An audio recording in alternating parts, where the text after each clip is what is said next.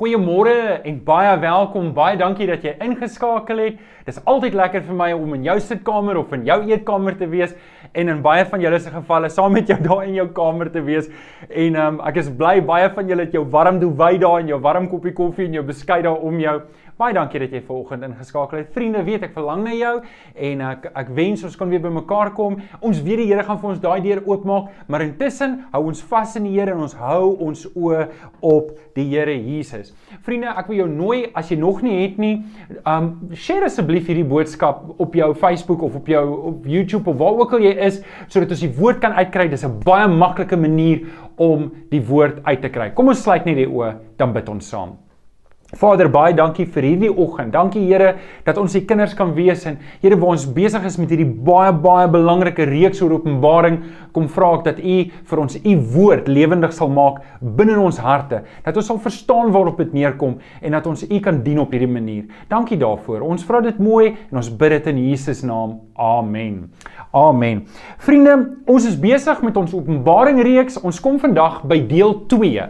Deel 2 en die reeks se naam The Geschichte Christian Traveller's Guide to This Broken Galaxy. En dis eintlik wat Openbaring is. Openbaring is geskryf vir daai sewe gemeentes waarna ons laasweek gekyk het en en Johannes skryf vir hulle wat op die Here Jesus se hart is, hoe hulle deur hierdie stikkende wêreld moet kom en hoe hulle onthou die kerk was verskriklik vervolg in daai tyd. Hulle was moedeloos en 'n klomp van hulle het afvallig geraak. Nou vriende, julle sal sien, vandag gaan ons aan en ons kom by Openbaring 5 en ons gaan nou 'n paar verse daai lees.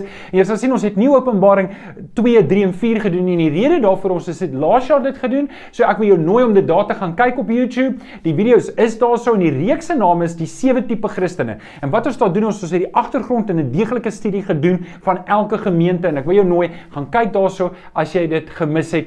Maar anderste het ek net besluit ons gaan aan na dit en ons kyk vandag vanaf hoofstuk 5 af. En ek het vir julle die raamwerk ge-e-pos en indien jy nog nie e-pos het van ons kry nie asseblief stuur vir my 'n e-pos by johan@gesinskerk.co.za sodat ek jou inligting, die regte inligting op ons database kan kry. Ons het laasweek begin hier om te sê Openbaring 1 vers 1 is die sleutel waarmee ons die res van Openbaring oopsluit en jy sal onthou dit staan daarso wat sê God het die openbaring gegee van wat binnekort moet gebeur. En binnekort, daardie Griekse woord verwys na iets wat gou-gou moet gebeur. Dit gaan nie lank vat om te gebeur nie. En daarom gaan ons van die standpunt af uit dat daai sewe gemeentes was werklike gemeentes. Hulle het werklik bestaan en vandag ook kan ons kyk in die geskiedenis dat daai daai artifacts van daai stede bestaan vandag nog en ek wil dalk net ietsie sê oor skrif uitleg en skrif inleg. En ehm um, daar kan jy net vir ons Janie skoene opgooi en dit net so oomblik ophou. So die die voordat ek wil kom by die drie vrae wat ons moet vra, wil ek net eers dit sê. Uh, professor Jan die Rand praat in sy boek van die eindtyd van jy kry twee tipes uitleg. Jy kry meer, maar in wanneer kom by Openbaring kry jy spesifieke twee. Jy kry skrif uitleg en dan kry jy skrif inleg. Skrif uitleg is wanneer jy probeer om met so ver as wat jy kan 'n oop gemoed en 'n skoon gedagte na die woord toe te gaan om te sê kom ons probeer die woord verstaan. En dan interpreteer jy die skrif binne in sy konteks. Nou skrif inleg is is 'n baie gevaarlike manier van skrifinterpretasie. Die rede daarvoor is jy begin by jou punt en jy gaan terug na die skrif toe. Waar skrif eintlik as jy gaan na die skrif toe eers en dan lê dit uit en dan werk jy na 'n toepassing na jou lewe toe. 'n Skrif inleg presies die teenoorgestelde. Jy begin by jou behoefte en dan gaan jy na die skrif toe. En en albei is geldig. Byvoorbeeld wanneer ek sukkel met met 'n spesifieke sonde, dan gaan ek skrif inleg gebruik. Ek gaan na die skrif toe gaan met my behoefte. Maar baie mense doen dit met Openbaring. Om die waarheid te sê, sê die laaste 1000 jaar het die kerk eintlik uitsluitlik skrif inleg gebruik wanneer dit by Openbaring kom. Hulle het gaan kyk na al die tekens en al die beelde en dan het hulle dit gaan soek in hulle hedendaagse eh, se omgewing en dan het hulle gevolgtrekkings gemaak en voorspellings gewaag uit Openbaring om te sê dis die einde, dis die einde, dis die einde. En laasweek sal julle onthou het ons mekaar gesê die eindtyd het reeds begin toe die Heilige Gees uitgestort is. Handelinge 1 sê dit, Petrus ehm um, preek dit ook so. So toe het ons hierdie skoene gewys en ek wil net weer hierdie is het ons laasweek gesê dis Timoteus se plakkies, maar ehm um, ons kan sê dis die sewe gemeentes se sandale. Dis min of meer hoe van hulle sandale gelyk het in daai tyd, veral arm mense en die Christene daai tyd was verskriklik arm, wel nou nie almal nie, maar baie van hulle want hulle kon nie werk kry nie. En wat ek en jy moet doen is ons moet onsself drie vrae vra oor Openbaring as ons die skrif reg wil uitken. Dis drie eksegetiese beginsels. Die eerste een is wie is die skrywer van Openbaring en wat was sy bedoeling? Ons het laasweek vir mekaar gesê dit was Johannes. Johannes was 'n apostel en hy het regtig geleef. Die tweede vraag wat ons gevra het, wie is die ontvangers van Openbaring? En ons het gesê dis die sewe gemeentes. Dit was gelowiges wat regtig bestaan het, gelowiges wat vervolg was, gelowiges wat afvallig geraak het, gelowiges wat lou geraak het en gelowiges wat trots geraak het. En dan die derde ding is waarom is dit geskryf? Wat was die boodskap? En dis hoekom die reeks se naam is The Christian Traveller's Guide to This Broken Galaxy. En die rede hoekom ons dit vir mekaar sê is want ons probeer vir mekaar sê dit is wat hulle verstaan het Openbaring was. Openbaring was 'n brief gewees wat vir hulle geskryf is om hulle deur daai tyd te kry. Nou, miskien wil ek net dalk die woord Openbaring net vinnig weer verduidelik. Die Griekse woord vir Openbaring is apokalips. Nou, apokalips is nie eintlik eindtyd nie. Dis nie eintlik einde van die wêreld nie. Dis nie eintlik wat apokalips beteken nie. Apokalips, die Griekse woord is die beste hoe ek dit kan beskryf is verbeel jou staan jy staan binne in die badkamer en jy staan by die venster en die venster is toe en jy kyk deur daai venster. Nou ek hoop jou venster doen dit, maar my venster doen dit. Wanneer ek in die badkamer staan en ek kyk deur die venster, dan kan ek niks sien nie. Ek kan sien daar's grys, ek kan sien daar's groen en ek kan sien daar's blou, maar ek kan nie uitmaak wat dit is nie. Nou Apokalips is daai venster wat as te ware oopgemaak word. God wat die venster oopmaak en nou kan ek sien o, die grys is die betonmuur. Ek kan sien die groen is die boom van die buurman wat oorhang en ek kan sien die blou as dit nou winter is, die wit is die wolke wat daar in die lug hang. Nou vriende, dit is wat 'n apokalips is. 'n Apokalipse openbaring is maar net dat die gelowiges, die gelowiges kyk na hulle omstandighede en dinge is werklik die mekaar. En wat die Here doen, hy gee vir Johannes hierdie openbaring wat hy moet bekend maak en dit maak die venster oop dat hulle kan verstaan die goed wat met hulle gebeur het 'n grootlike 'n groter geestelike konteks. En dit gee vir hulle moed, dit moedig hulle aan, maar dit roep hulle ook weer op tot bekering. Nou Ek hoop jy het Openbaring 2 tot 4 by die huis gaan lees.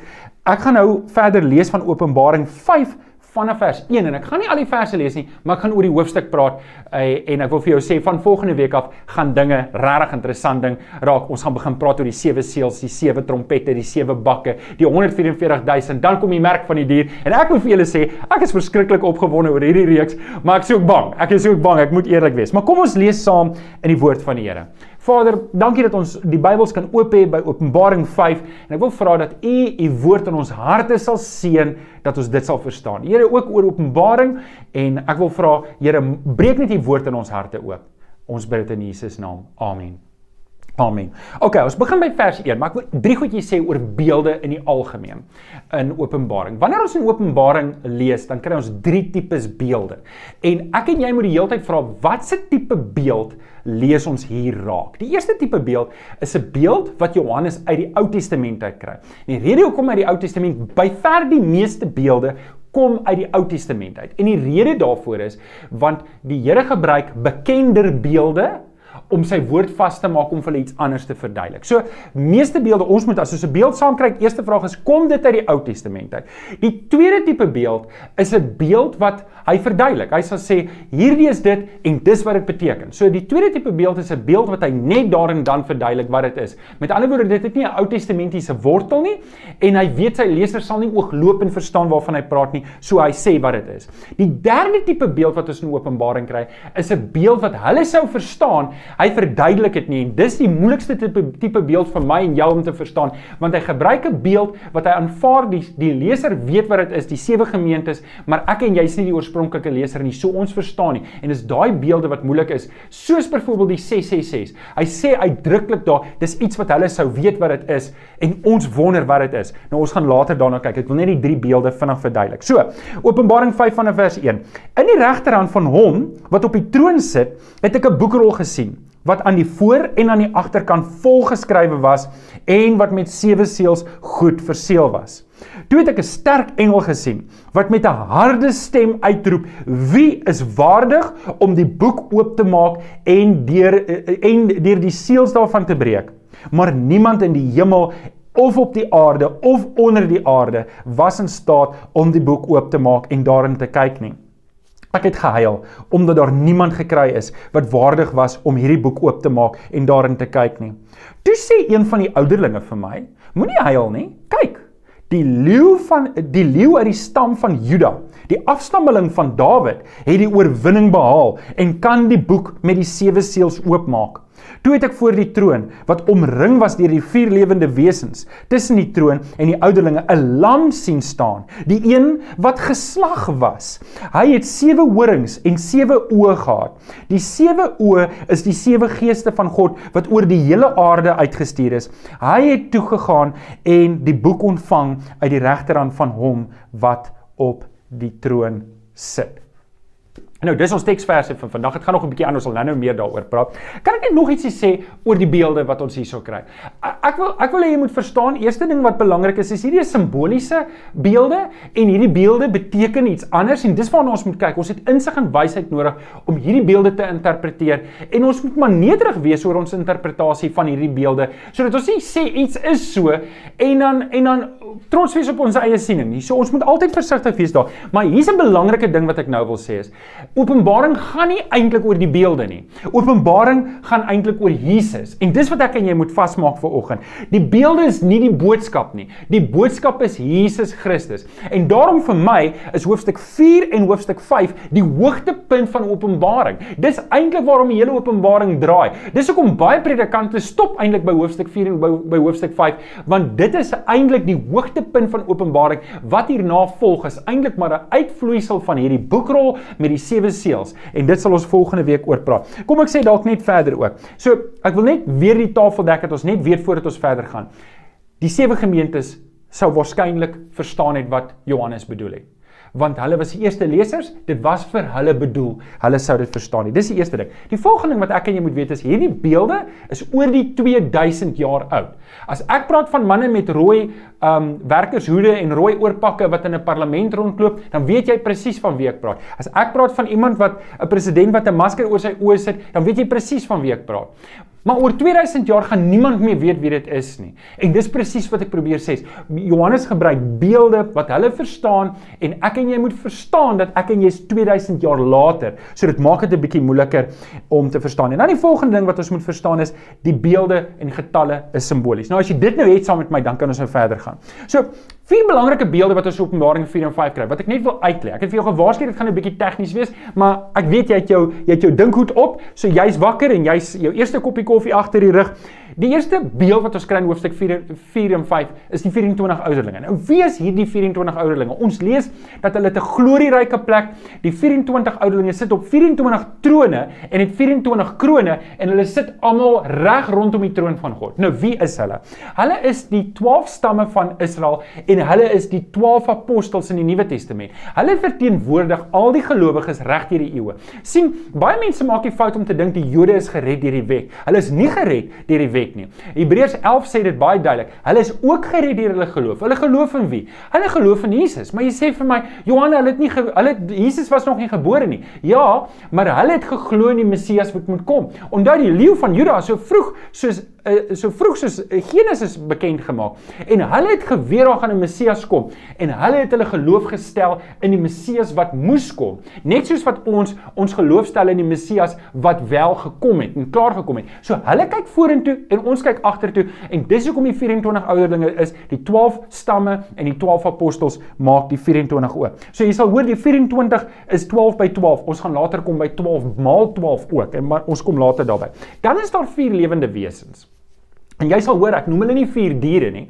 Ek noem hulle die vier lewende wesens want die woord dier is 'n bose aspek van Openbaring. Wanneer jy lees van 'n die dier dan weet jy dis boosheid. En die Grieks ook so. So die Grieks praat van die vier lewende wesens al lyk hulle vir ons soos diere, maar hulle is heilig. Aan die ander kant kry ons diere wat van Satan afkom. Nou dit gaan ons later aan kyk. Hou maar net kop daarmee. So die vier lewende wesens, hulle lees ons in Jesegiel 1 vers 10. Ons lees van die leeu, ons lees van die bul, ons lees van die mens en ons lees van die arend. Nou die leeu verteenwoordig al die wilde diere. Ons lees van die bil, hy verteenwoordig al die makdiere. Ons lees van die mens wat die ganse mensdom verteenwoordig en dan die arend wat dan al die voëls en al die visse verteenwoordig. So met ander woorde, die vier diere is ook daar by die troon van God en die 24 ouderlinge en die vier diere is almal in diens van die lam. Hulle is in diens van God. En en en so hier het ons nou en jy gaan later ook lees van al die engele en al die mense Almal wat almal is wat almal is moet eer aan God bring.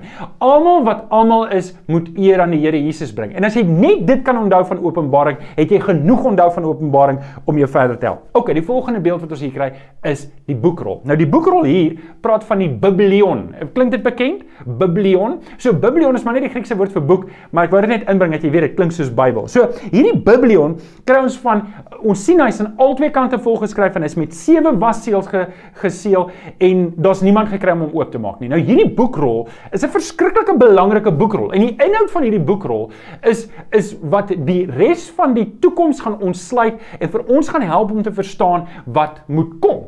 Nou, of wat dan nou gebeur het. Nou hierdie boekrol verteenwoordig iets wat ons ook in die Ou Testament van lees. In Eksodus 32 vers 15 lees ons ook dat God 'n boodskap gehad het.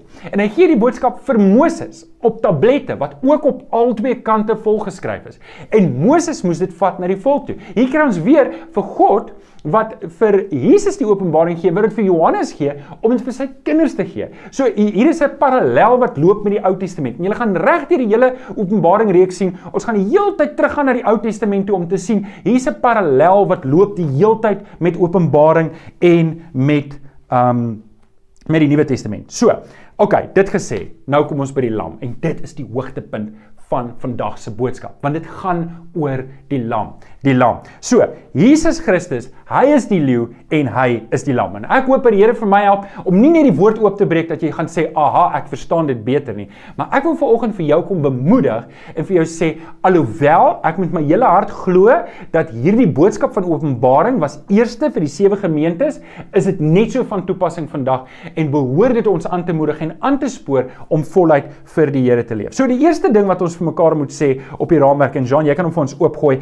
is die lam is waardig. Dis die belangrike boodskap in Openbaring 4 en 5. Die lam is waardig. Ons lees in Openbaring 5 vers 2: Wie is waardig om die boek oop te maak en die seels daarvan te breek? Nou, miskien moet jy net iets verstaan dat wanneer jy seels op iets sit, ons stuur vandag vir mekaar 'n e-pos en jy gee nie eintlik om nie. Maar onthou, 'n boodskap daardie tyd was per hand afgelewer en baie keer sal ek van dorp na dorp loop en ek sal by Rian hoor, Rian, o, is jy op pad na Smyrna toe? Hoorie, ag, wil jy nie sommer hierdie brief saamvat nie? En en dan moes hy nou gaan, dan kom hy by 'n ander dorp en kom hy nou nie heeltemal by Smyrna nie. Hoor, hier's 'n ander ou wat dan gee nou daai brief en sodat hande so jy kan hoor daar was baie vertroue daar. En en die risiko was hoog dat goed nie gaan uitkom waar hulle moet uitkom nie. En dan wanneer jy sit 'n seël daarop sodat die ou wat dit kry moet weet of dit oopgemaak is of nie oopgemaak is nie. Maar wanneer jy sewe seels oopsit, dan moet jy weet hierdie is 'n belangrike boodskap. En niemand is waardig om dit oop te maak nie. Ons lees dat Johannes sê, hulle daar was niemand op die aarde gekry nie. Daar was niemand in die hemel gekry nie. Daar was niemand onder die see gekry nie. Daar was net niemand waardig om hierdie boekrol oop te maak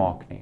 En dit het gemaak dat hy bitterlik begin huil. Hy begin huil want onthou, hier is 'n belangrike boodskap en dis asof die die skepping stil staan en wag vir hierdie boodskap om uit te kom. Dis asof die geskiedenis gefries is in tyd om te sê niks kan vorentoe gaan tot ons nie hierdie boodskap het nie. Nou, moenie dink ek gaan vandag hierdie boodskap gee nie. Dit kom eers volgende week. Maar maar so so nou nou wag ons vir iemand wat waardig is en ons lees in Openbaring 5 vers 5 dat een van die ouderlinge sit sy hand op Johannes en sê vir hom Kyk, die leeu uit die stam van Juda, die afstammeling van Dawid, het die oorwinning behaal en kan die boek met die sewe seels oopmaak. So, sit jouself gou in Johannes se skoene. Hier is Johannes, hy huil want hierdie boodskap kan nie uitkom nie. Hy huil. En een van die ouderlinge sê vir "Hey, hoorie, hoorie, kalmeer. Hoor wat ek vir jou sê. Hoor wat ek vir jou sê. Hierdie hierdie boodskap kan oopgemaak word. Hierdie boekrol kan oopgemaak word deur die lam, ag deur die leeu van Juda. Dis wat hy hoor, deur die leeu van Juda. Nou wie is hierdie leeu van Juda? In die Ou Testament was dit die verwagte Messias. Nou, ek wil net hê jy moet hoor, hier is oorlogsterme.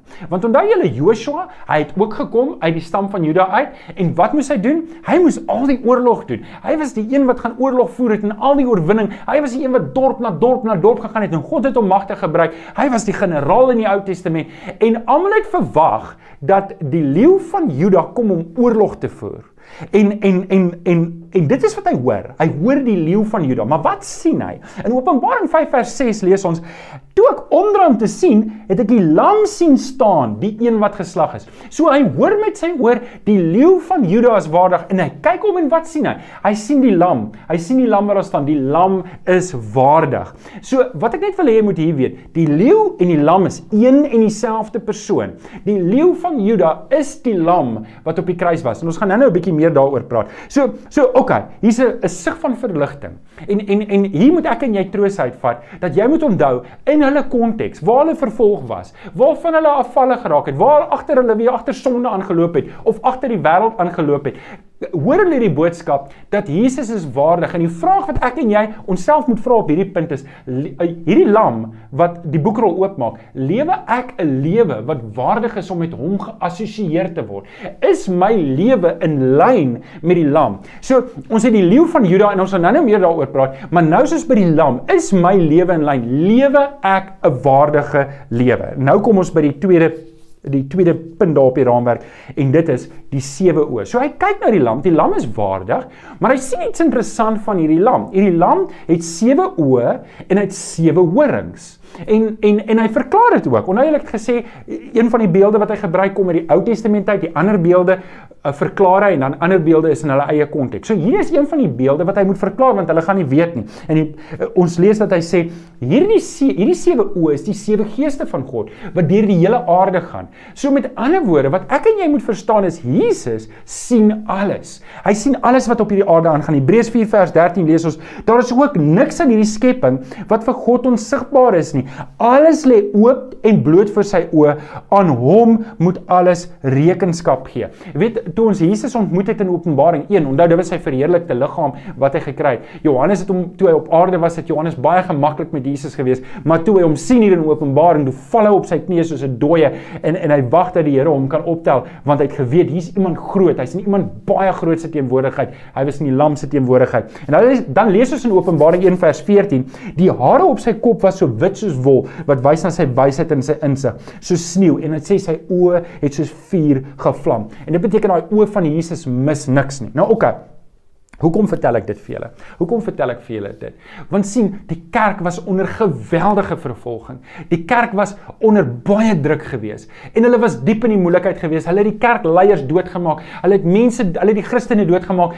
Verbeel jouself, hulle maak jou kind reg voor die dood. Hulle vat jou kind, hulle druk 'n swaard teen sy nek en sê: "Luister, as jy nie Jesus afsweer nie, steek ons hierdie kind dood." En en dit is dit dit is daar was oor die 3000 gelowiges net in um in in Nero en die ou wat na hom gevolg het. Nou kan ek nie sy naam onthou nie. Rian Domitianus. Net in hulle tyd was daar oor die 3000 gelowiges met hulle gesinne in die Kolosseum gegooi en deur leeu's opgevreet deur hierdie gladiators doodgemaak. En en dit was 'n verskriklike tyd. So ek wil hê jy moet verstaan, sit jouself in daai skoene waarvan ons vroeër gepraat het en sit jouself en wonder hoe sou dit vir jou wees. En Jesus sê ek sien dit raak. Nou ek wil gou 'n punt maak. Jean, as jy net vir ons gou-gou daai um wat se naam kan opgooi. Ons ons het die 12 apostels hier en 'n bietjie meer en en ek wil net gou-gou vir jou ietsie sê want sien, daar's baie gelowiges wat sê, "Ag man, weet jy wat, ons vat net 'n stiekertjie van Psalm 91 en ons plak dit op ons kar en ons bid elke oggend Psalm 91 en ons sal veilig wees." En en ek het al mense gehad wat gesê, "Hoorie, maar jy pleit nie die bloed van die lam oor jou oor jou gesin en oor jou kar." En en ek het nogal gedink dis vreemd dat mense dit sê. Ek ken nie dit nie waar ek groot geword het en toe ek die Here aangeneem het, het ek nooit hierdie goed gehoor nie.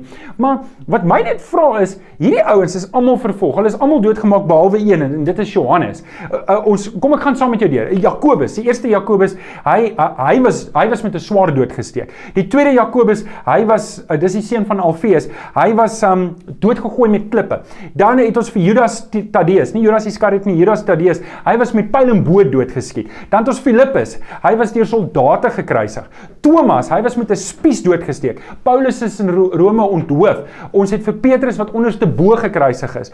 Ons het vir Johannes, Johannes die apostel, hy's die enigste een wat nie vervolg was nie, wel doodgemaak is nie. Hy's na Patmos, hy's die een wat hierdie openbaring skryf, maar volgens oorlewering het hy 'n gewone dood gesterf. Matteus is met 'n swaar dood gesteek. Judas Iskariot val. Hy het nou nie hy was nou nie vervolg nie. Hy het gaan selfmoord pleeg. Dan het ons vir ehm um, Simon die Seloot. Hy was ook gekruisig. Ons het vir Bartolomeus. Hy was ontvel. Sy hele vel was afgetrek en toe is hy nog steeds nie dood nie en toe het hulle hom onthoof. Ehm um, ons het vir ehm um, Andreas. Hy was ook gekruisig en ons het vir Mat Mattathias wat later aangestel is. Hy was ook gekruisig. Hoekom hoekom het hulle nie net Psalm 91 oor hulle lewens gebid nie? Hoekom het hulle nie net die bloed van die lam gepleit nie? En en hier is die ding wat ek eintlik en ek wil nou-nou meer daaroor praat oor die lam wat geslag is. sien, die evangelie gaan oor die lam wat geslag is. Die boodskap van Christus gaan juis oor die bloed wat geloop het. En hierdie mense se bloed wat gevloei het, het die evangelie teen 'n geweldige tempo laat uitgaan. En en ek wil net hê jy moet onthou, dis wanneer ek en jy onder druk is, wanneer mense Jesus in jou kan sien. Luister, vir die evangelie is dit nodig dat dit nie altyd net goed met jou moet gaan nie. Dis hoekom ons die ewige lewe het. Dis hoekom ons die beloning het. Dis hoekom Openbaring geskryf is. Jesus sê, hoorie, ek sien waar dit reg gaan. Ek weet die moeilikheid waar dit reg gaan, maar jy moet uithou. Jou beloning is nie op hierdie aarde nie. Jou beloning is in die hemel. As jy nou swaar kry, moet jy juis dit met vreugde doen in Jesus sodat ander mense jou kan raak sien en tot geloof kom om te sê, daar's geen mens wat onder normale omstandighede so vreugdevol kan wees as hy moet deurgaan waardeur jy gaan nie. En die rede hoekom jy vreugdevol is, want jou oë is op die lam wat se oë alles sien. En dis die verskil tussen ons en die wêreld. Dalk sit jy hierso. Dalk sit jy en en dis dis die een kant van die kerk. Die ander kant van die kerk is daai mense het teruggeval in sonde. Hulle het terug agter die wêreld aangeloop. Hulle het net gesê dis net te moeilik om die om teen die wêreld op te staan. En hulle wou nie vervolging deurgaan nie. So wat het hulle gedoen? Hulle het weer agter die wêreld begin aangaan. Hulle probeer om een voet in die wêreld en een voet vir Christus te lewe. En die Here gesê ek aanvaar dit nie. Ek aanvaar dit nie dat jy aanhou met jou sondige lewe nie. Ek aanvaar dit nie dat jy sê jy wil my dien, maar jy loop agter die wêreld aan nie. En hierdie sewe oë van Jesus en dit moet ek en jy vir mekaar sien dat wanneer ek aanhou met my sonde, Jesus sien dit. Jesus sien dit en hy's nie tevrede daarmee nie. Ons lees dit in die sewe gemeentes. Hy's nie tevrede as ek en jy aanhou hardkoppig met ons sonde nie. En en hy maak dit baie duidelik in die sewe gemeentes. As jy gaan aanhou met die pad wat jy stap van sonde, moet jy nie verwag dat jy gered gaan wees nie. Daar gaan baie mense daardie dag sê, Here, Here, het ons nie in U naam al hierdie dinge gedoen nie? En dan gaan die Here sê, gaan weg, ek het jou nie geken nie. En vriende, hier is 'n waarskuwing vir my en vir jou om te sê die Here sien dit as ek in my hart aanhou met sonde en ek dink ek gaan daarmee wegkom, want ek gaan nie daarmee wegkom nie. En dis die onderliggende boodskap ook van Openbaring. Dis 'n groot waarskuwing, nie vir die wêreld nie, maar vir my en jou as gelowiges om te sê ons moet nie ons klere besoedel met hierdie wêreld nie. OK, dit bring ons dan by die by die by die derde beeld hierson. Dis die sewe horings. Ons lees dat hy die sewe horings gehad het en ek wil asseblief nie hê ek weet die ouens wat dit skilder, dan skilder hulle 'n lam met sewe oë wat geslag is en dan hulle sewe horings, maar maar dis simboliese goed wat iets anders beteken. Hierdie sewe horings wat die Here Jesus het, verteenwoordig sy krag en sy mag. En die punt wat ek hier wil maak is Jesus is almagtig. Daar's niks vir hom onmoontlik nie. In Matteus 28 vers 18 lees ons: Jesus kom toe nader en sê vir hulle vir sy disippels: "Aan my is alle mag gegee in die hemel en op aarde." Ons moet verstaan dat alle gesag en alle mag behoort aan die Here Jesus. In Johannes 1 lees ons dat Jesus, God het deur die Here Jesus hierdie hele skepping gemaak. Nou kan jy dink hierdie lam wat ek en jy dien, hierdie Here Jesus, Hy is die almagtige. Hy is die een wat kan. En wanneer die gemeentes dit hoor, onthou ons moet nou teruggaan in hulle skoene. Dan moet ons vir onsself sê, wat verstaan hulle? Sê, luister, Nero, Nero is dalk 'n magtige leier gewees. En Nou kan ek weer nie die ander een onthou nie. Domitianus. Domitianus was 'n magtige leier. Net vir julle sê van wat julle dalk nie weet nie. Nero het baie gelowiges doodgemaak. Maar dis asof asof Domitianus 'n baie kompeterende persoon was. Hy het gehoor hoeveel gelowiges het Nero doodgemaak en hy wou meer gelowiges doodmaak. En einde was 'n verskriklike tyd en hulle het baie mag gehad hulle het baie mag uitgeoefen. En Jesus sê, luister, hierdie manne het mag, maar hulle gaan verantwoording moet doen aan my. Hulle gaan verantwoording moet doen en dis waar ons in Filippense 2 vers 11 kom wat sê elke tong sal elke knie sal buig, elke tong sal erken dat Jesus Christus die Here is. Dit sluit in Nero, dit sluit in Domitianus, dit sluit in elke liewe president, elke persoon met gesag, elke elke leier wat op 'n plek is, wat sy mag gebruik, elkeen van hulle se knie sal buig, elkeen se tong sal bely dat Jesus Christus is. Elkeen van ons wat nou kyk, my knie sal buig, jou knie sal buig, Rian en Jan se knie sal buig en hulle tonge sal bely en sê Jesus Christus is werklik die Here. Hy is die magtige en hy kan doen wat hy gesê het hy kan doen. OK, dit bring ons by die laaste ene. En en ek het hom gelos vir laaste want ek wil hê die evangelie moet baie duidelik uitkom. En dit is die lam is geslag. Die lam is geslag. In vers 5 lees ons, die ouderling sit sy hand op Johannes en sê moenie huil nie. Kyk, die leeu uit die stam van Juda, die afstammeling van Dawid het oorwinning behaal en die boek met die sewe seels op om dit oop te maak. Nou, so hier's die lam, ons het die ag ons het die leeu hierso, die leeu van Juda wat 'n Ou Testamentiese beeld is om te sê Jesus Christus is werklik die Messias. Maar onthou, hierdie hierdie hierdie verwagting rondom die leeu is dat hy moet kom oorlog voer. So dis wat Johannes hoor. Johannes hoor dat die leeu van die lam maar toe hy ag die leeu van Juda, maar toe hy kyk, toe sien in vers 6, toe ek voor die troon wat omring is deur die vier lewende wesens tussen die troon en die ouderlinge, 'n lam sien staan, een wat geslag is. So ek wil hê jy moet hierdie kontras sien dat in ons harte wil ons hê God moet hierdie wêreld kom verwoes en kom verslaan en deur die openbaring gaan hierdie kontras die heeltyd na vore kom. En jy gaan dit sien soos ons aangaan dat dat daar's hierdie verwagting dat daar 'n oorlog moet wees om almal dood te maak, maar dan wat kom is die lam die lam wat gesag is en hy wen nie deur oorlog te maak nie.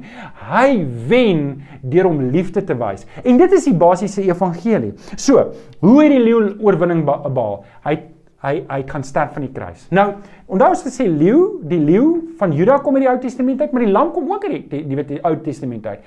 Dink gou-gou toe die Pasga gevier is. Wat moes hulle doen? Hulle moes 'n vlekkelose lam vat sonder gebrek en hulle moes hom slag en hulle moes sy bloed teen die deurkosyne gaan smeer sodat die dood sou verbygaan.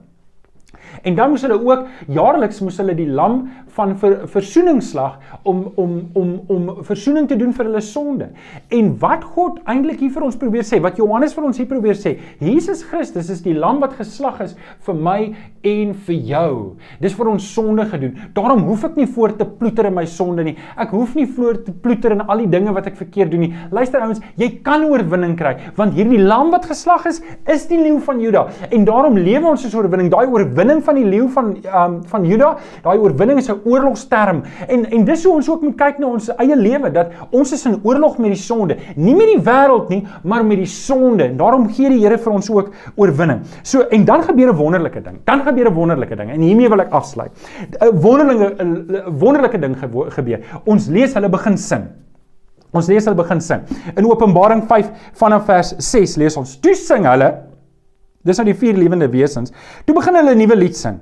U is waardig om die boek te neem en die seels daarvan oop te maak omdat u geslag is en met die bloed die mense vir God losgekoop het uit die uit elke stam en taal en volk en nasie. So sien jy, dit gaan nie hier oor 'n oorlog nie, dit gaan oor verlossing. Dan sê hy, u het die koninkryk en priesters vir u het u het hulle die koninkryk en die priesters vir God gemaak en hulle sal oor die aarde regeer.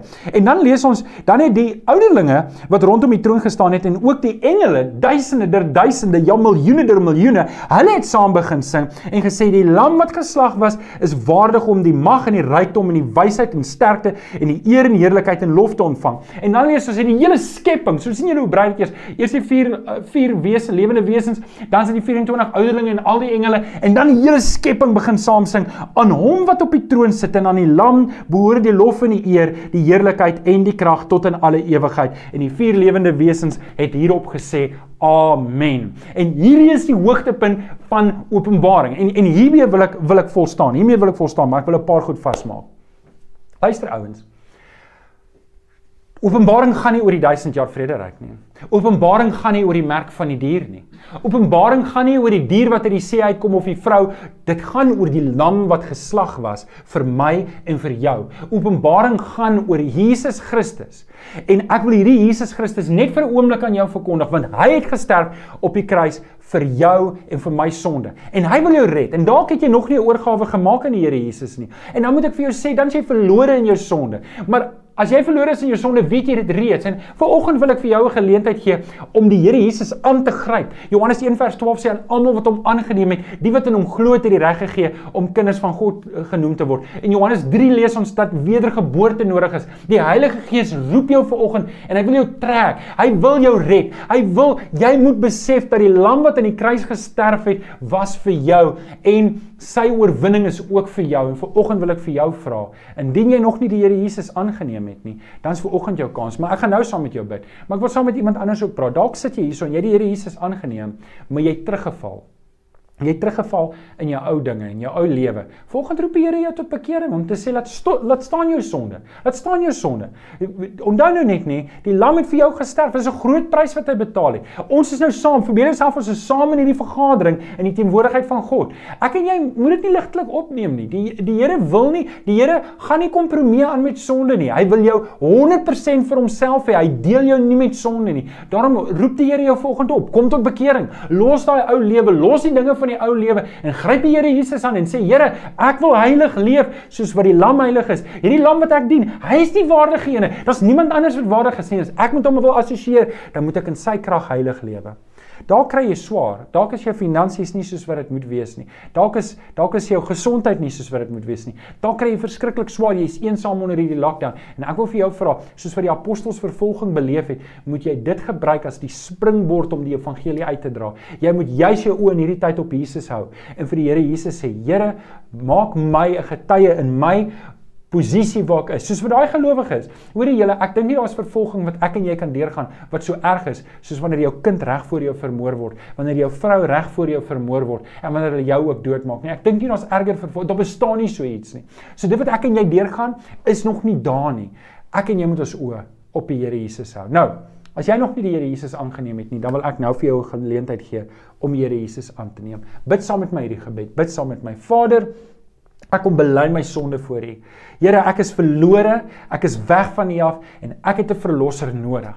En ek kom pleit by U, kom vergewe my. Kom kom maak my weer skoon. Kom was my in die bloed van die lam van die Here Jesus. Ek kom aanvaar die verlossingswerk wat die Here Jesus vir my gedoen het aan die kruis. En ek kom draai my rug op my ou lewe. Nie iets wat ek reg kry nie, maar alleen uit U genade. En ek kom vra vir U vir oggend, kom maak my U kind. Ons bid dit in Jesus naam. Amen. Vader, U weet wie hierdie gebed vir oggend gebid het en U weet waar elkeen van ons is.